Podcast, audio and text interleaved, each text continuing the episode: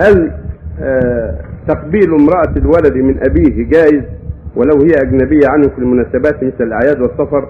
أقصد أجنبية ليست أخته وأخيه. زوجة الولد محرم. لا حرج. زوجة ولد زوجة ولده وزوجة ولد ولده وزوجة ابن بنته وزوجة أبيه وجده كلهم محارم الله قال ولا تنكحوا ما نكح آباؤكم من النساء. قال وحلائل أبنائكم الذين أصلابكم فأولادهم من صلبه وأولادهم من الرضاع.